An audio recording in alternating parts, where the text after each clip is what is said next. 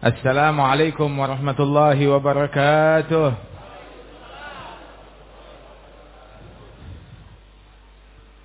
Alhamdulillah. Wassalatu wassalamu ala sayyidina Rasulillah, sayyidina Muhammad bin Abdullah wa ala alihi wa sahbihi wa mawalah. Kita bersyukur kepada Allah Subhanahu wa taala pagi hari ini kita berkumpul di majlis Al-Imam Al-Arif Billah Al-Habib Ali bin Abdurrahman Al-Habsyi. Mudah-mudahan Allah mengangkat derajat beliau Allah Ta'ala berikan keberkahan kepada kita sekalian dengan berkat beliau, guru-guru kita, wabil khusus akhina al-Habib Ali bin Abdurrahman bin Muhammad, diberikan kesehatan, afiah, dan semua kita yang hadir dapat berkah dari Allah Ta'ala. Amin, ya Rabbal Alamin. Dibahas pada pagi hari ini hal-hal yang berkaitan dengan khusyuk. Allah Subhanahu wa taala berfirman di dalam Al-Qur'an, "Qad aflahal mu'minun." Telah beruntung orang-orang yang beriman. Siapa gerangan mereka orang yang beriman? Alladzina hum fi salatihim khashi'un. Mereka adalah orang-orang yang di dalam salat mereka mereka khusyuk. Khusyuk di dalam salat mereka. Khusyuk di dalam salat tersebut adalah ciri keimanan yang merupakan ciri keberuntungan. Sampai dahulu dikatakan oleh para ulama, ilmu yang pertama diangkat, ilmu yang pertama dicabut dari umat ini, ilmu yang pertama punah dari umat ini tahu ilmu apa? E, kalau di, di dalam riwayat ilmu faraid itu yang pertama. Akan tetapi juga selain ilmu faraid ada satu lagi ilmu yang pertama punah.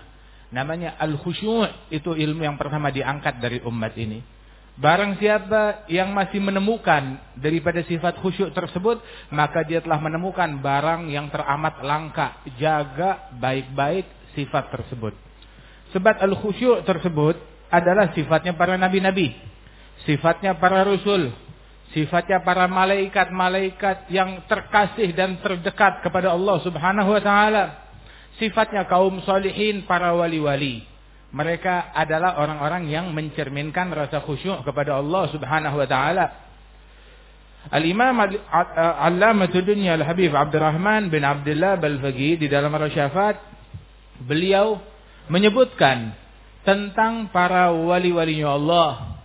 Beliau bilang bahwasanya idzaru yushharu dzikrullahi fahuwa lahum sima 'alal jibahi yu'rafu ma'nahum bil ishtibahi من حيث ما يعرف ذو الجلال.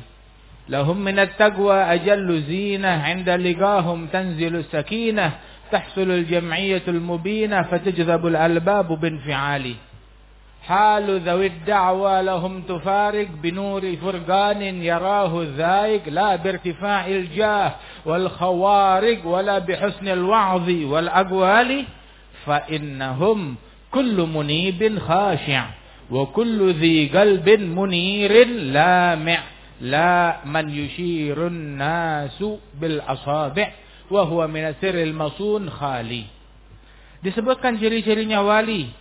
Ciri-cirinya kaum solihin orang-orang yang mulia di sisi Allah taala sebab mulia tuh orang masing-masing punya persepsi siapa orang mulia kebanyakan persepsi masyarakat tentang orang mulia orang soleh wali ulama Orang yang dikasihi oleh Allah, persepsi manusia kebanyakan tahu siapa?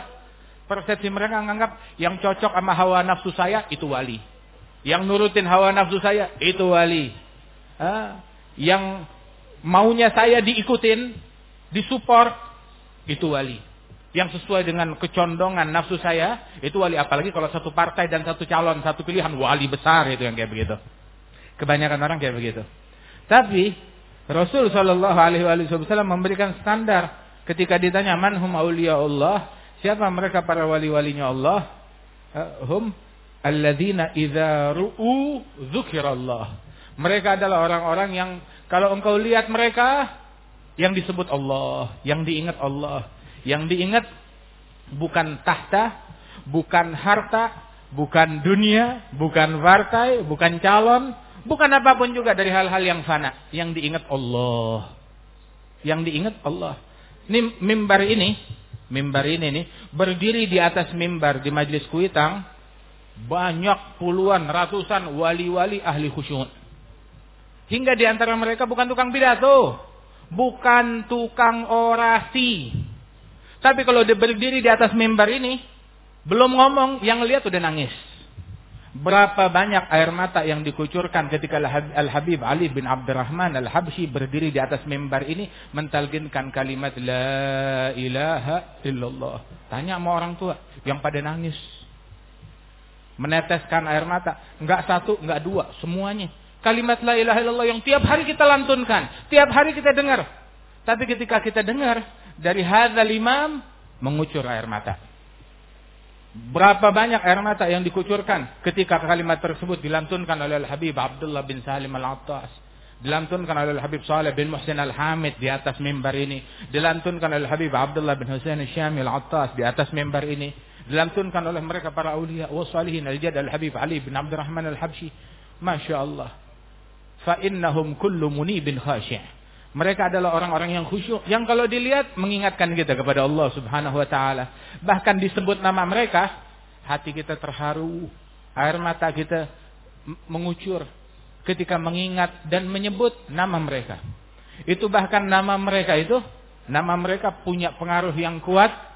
Untuk menyemangati seseorang untuk makin taat dan ibadat kepada Allah Ta'ala. Sehingga sebagian para wali-wali bilang.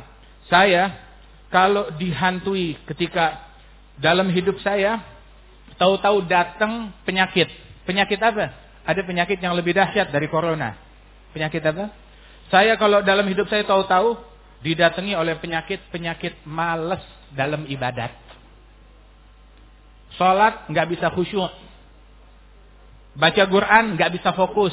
Ini penyakitnya kita. Penyakit yang lebih dahsyat dari corona. Cuma Ketika jasad kita diganggu baru kita berasa. Din kita diganggu kita nggak berasa. Berpuluh-puluh tahun kita nggak khusyuk, nggak merasa itu penyakit. Ini kecacatan dalam pola pikir. Ketika ditimpa penyakit badan baru oh, ini penyakit yang dahsyat.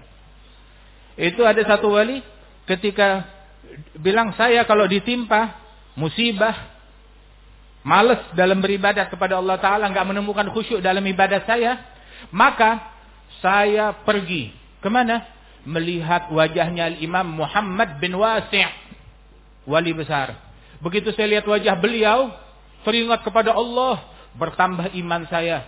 Saya pulang sebulan itu khusyuk tuh nggak nggak nggak apa namanya nggak nggak keluar dari hati saya. Terus tambah khusyuk selama satu bulan. Modal selama sebulan. Modal khusyuk selama sebulan ketika melihat wajah orang soleh makanya Al Habib Ali Al Habsyi bilang bakht manggadra'ahum aura'aman Ra'ahum beruntung yang melihat mereka dan orang yang pernah melihat mereka. Bagaimana hanya kalau mereka itu sendiri orang yang khusyuk kepada Allah Subhanahu wa taala. Melihat wajah mereka mewariskan khusyuk, mewariskan tawadhu, mewariskan introspeksi diri. Begitu lihat wajah mereka, langsung ingat dosa diri sendiri. Ya Allah, saya sholat saya puluhan tahun nggak khusyuk. Ya Allah, saya udah lama nggak keluar air mata dalam ketika ngaji Quran. Ya Allah, saya udah lama nggak tahajud. Tuh. Nggak kayak sekarang kalau ngelihat wajah orang langsung ingat dosanya orang lain. Hah? Wali kalau kita lihat wajahnya langsung ingat dosa kita sendiri. Eh, bukan mikir dosanya orang, mikir dosa diri kita sendiri. Kayak begitu. Sampai disebutkan bahwasanya halu zawid da'wa lahum tufarig. Orang yang mengklaim kewalian tanpa bukti beda. Tahu bedanya apa? Siapa yang bisa ngebedain? Yang bisa ngebedain adalah orang yang punya zog. Orang yang punya cita rasa dalam keimanan. Berapa banyak sampai dibilang oleh Syarani wa katsir minal ulama, berapa banyak orang yang waktu meninggal dunia dihadirin oleh banyak jamaah, didoain, ditahlilin, enggak taunya meninggalnya mau Islam. Maaf, maaf. Ada yang sampai begitu alias meninggalnya su'il khatimah. Na'udzubillahi min dzalik. Berapa banyak orang yang ditunjuk, wah, ini orang hebat, ini orang mulia, manusia menunjuk dia. Begitu, tapi dia di mata Allah Subhanahu wa taala hina. Kemuliaan dinilai dari khusyuknya kepada Allah Subhanahu wa taala. Kita punya atau enggak sifat khusyuk tersebut? Tahu enggak? Sifat khusyuk itulah yang membuat Rasulullah sallallahu alaihi wasallam itu ketika datang Sayyidina Bilal menjemput Rasulullah untuk memberitahukan orang-orang udah siap untuk sholat subuh di masjid. Mau komat sekarang. Didapetin Nabi Muhammad lagi nangis. Dibilang, ya Rasulullah, kenapa kamu menangis? Apa yang membuat engkau menangis? Maka dijawab oleh Rasulullah Sallallahu Alaihi Wasallam, ya Bilal, ini malam Allah Taala menurunkan kepada aku sebuah wahyu, ayat-ayat Al-Quran yang mana sungguh rugi, celaka orang yang membaca ayat ini tanpa menghadirkan hati mereka kepada Allah Ta'ala. Tanpa merenungi daripada ayat tersebut. Apa? Dibaca daripada akhir surat Al-Baqarah, eh, surat Al-Imran. Inna fi khalqis samawati wal ard واختلاف الليل والنهار لآيات لأولي الألباب الذين يذكرون الله قياما وقعودا وعلى جنوبهم ويتفكرون في خلق السماوات والأرض ربنا ما خلقت هذا باطلا سبحانك فقنا عذاب النار ربنا إنك من تدخل النار فقد أخزيته وما للظالمين من أنصار sampai akhir daripada surat Al-Imran tersebut celaka rugi sial Orang yang membaca ayat ini tanpa merenungi daripada ayat-ayat tersebut. Sekali Rasulullah Shallallahu Alaihi Wasallam dalam sholat tahajud sampai nangis, ngulang-ngulang ayat. Tahu ayat apa yang diulang? Diulang adalah ayat yang Allah Taala ceritakan ketika Sayyidina Isa ibn Maryam ya bersimpuh di hadapan Allah Subhanahu wa taala tatkala Allah taala menyidang beliau. Ya Isa, anta qulta nas Engkau yang bilang kepada manusia, jadikan aku dan ibuku sebagai Tuhan. Maka Sayyidina Isa bilang, Ya Harap, eh, in kuntu gultuhu fagad alimtah. Kalau dulu aku mengucapkan tersebut, engkau pasti maha, maha tahu. Aku tidak berucap, melainkan apa yang sesuai yang kau perintahkan.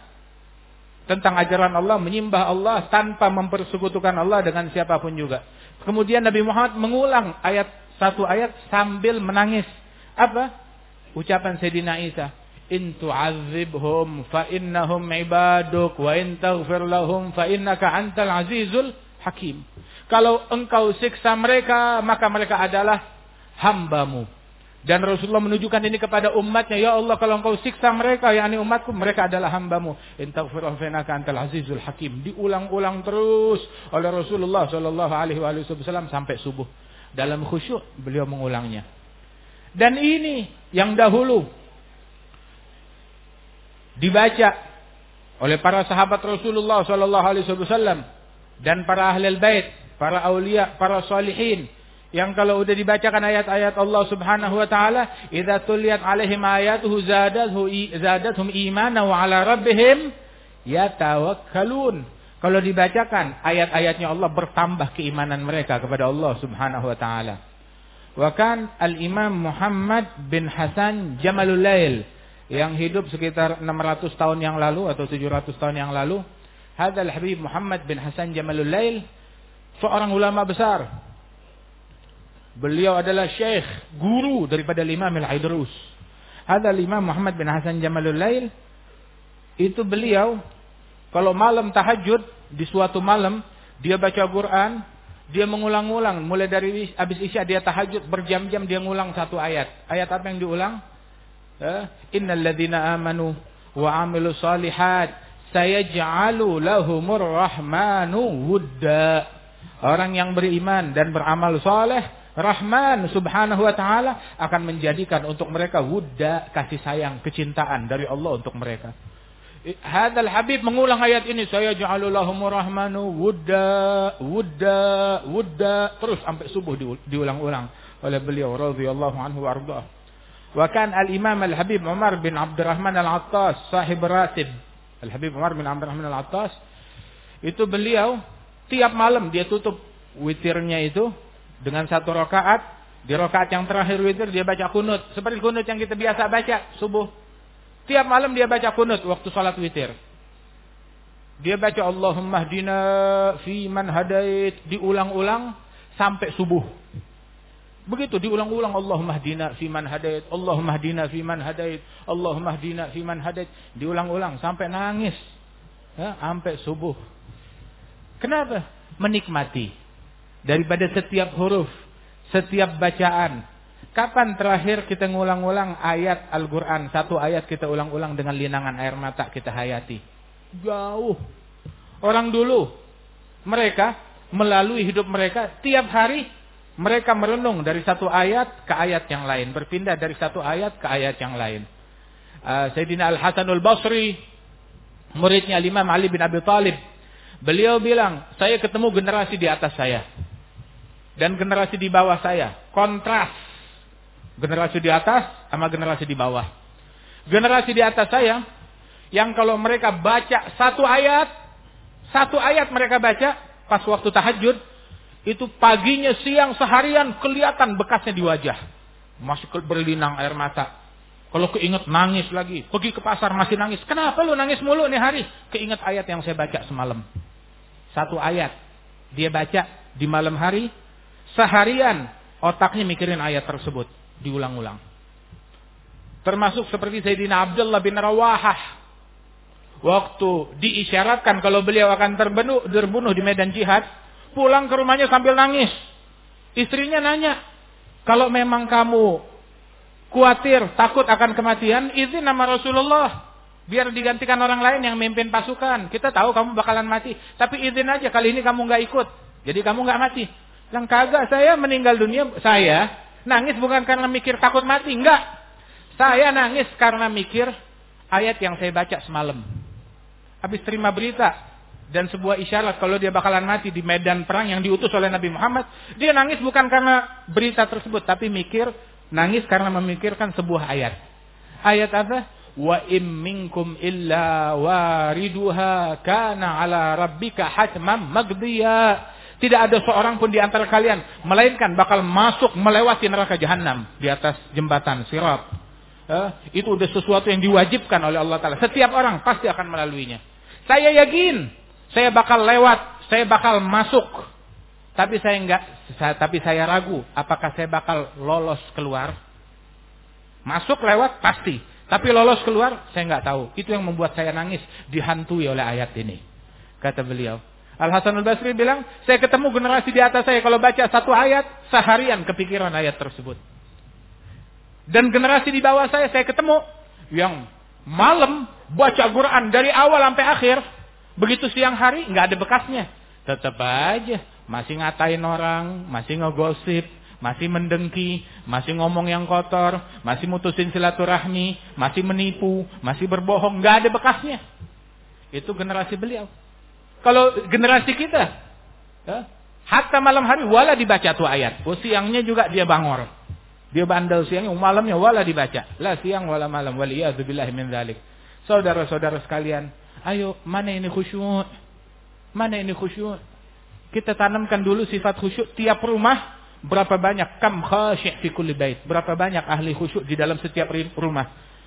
Suami orang yang khusyuk, istri orang yang khusyuk, anaknya orang yang khusyuk.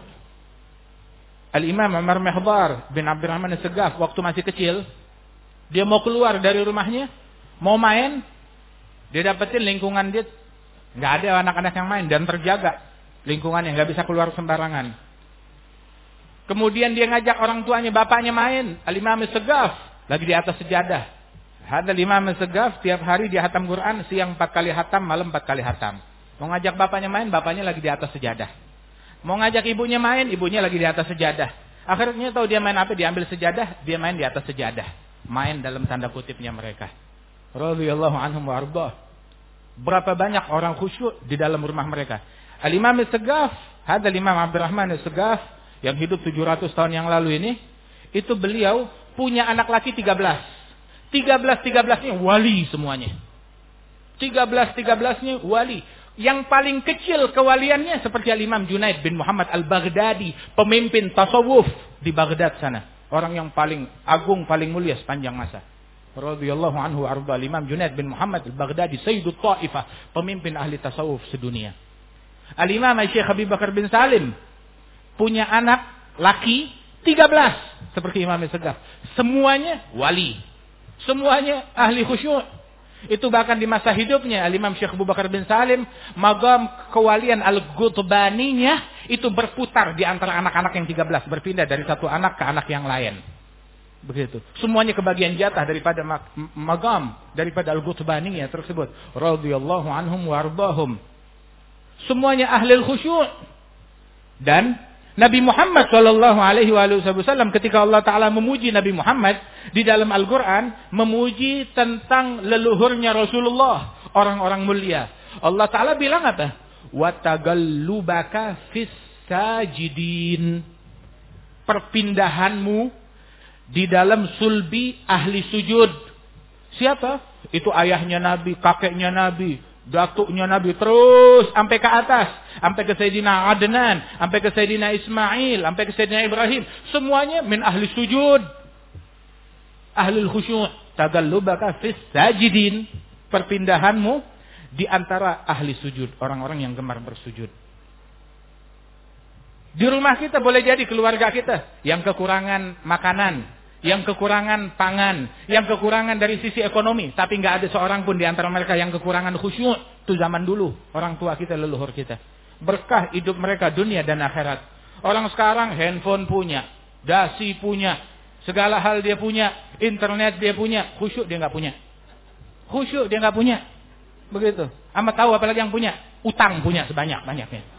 Makin banyak dasinya, makin banyak utangnya. Oh, makin banyak kartunya, makin banyak utangnya. Waliyadzubillahi min dzalik. Wah, kata. Karenanya itu ayo jangan kita terbuai tertipu kemuliaan di dalam harta, di dalam tahta, di dalam masa, di dalam kedudukan, di dalam hal-hal duniawi. Raih kemuliaan di dalam khusyuk kita kepada Allah Subhanahu wa taala. Mudah-mudahan Allah taala anugerahkan kita khusyuk dan Allah Subhanahu wa taala gabungkan kita di dalam barisan kaum khashiin dan Allah taala memberikan kepada kita kelezatan di dalam tilawah, di dalam ibadat, di dalam zikir, dalam sujud, di dalam salat. Amin ya rabbal alamin. Allahumma ij'al jam'ana hadza jam'an marhuma. تفرقنا من بعده تفرقا معصوما ولا تجعل فينا ولا منا ولا معنا شقيا ولا محروما وصلى الله على سيدنا محمد النبي الأمي وعلى آله وسلم وآخر دعوانا أن الحمد لله رب العالمين السلام عليكم ورحمة الله وبركاته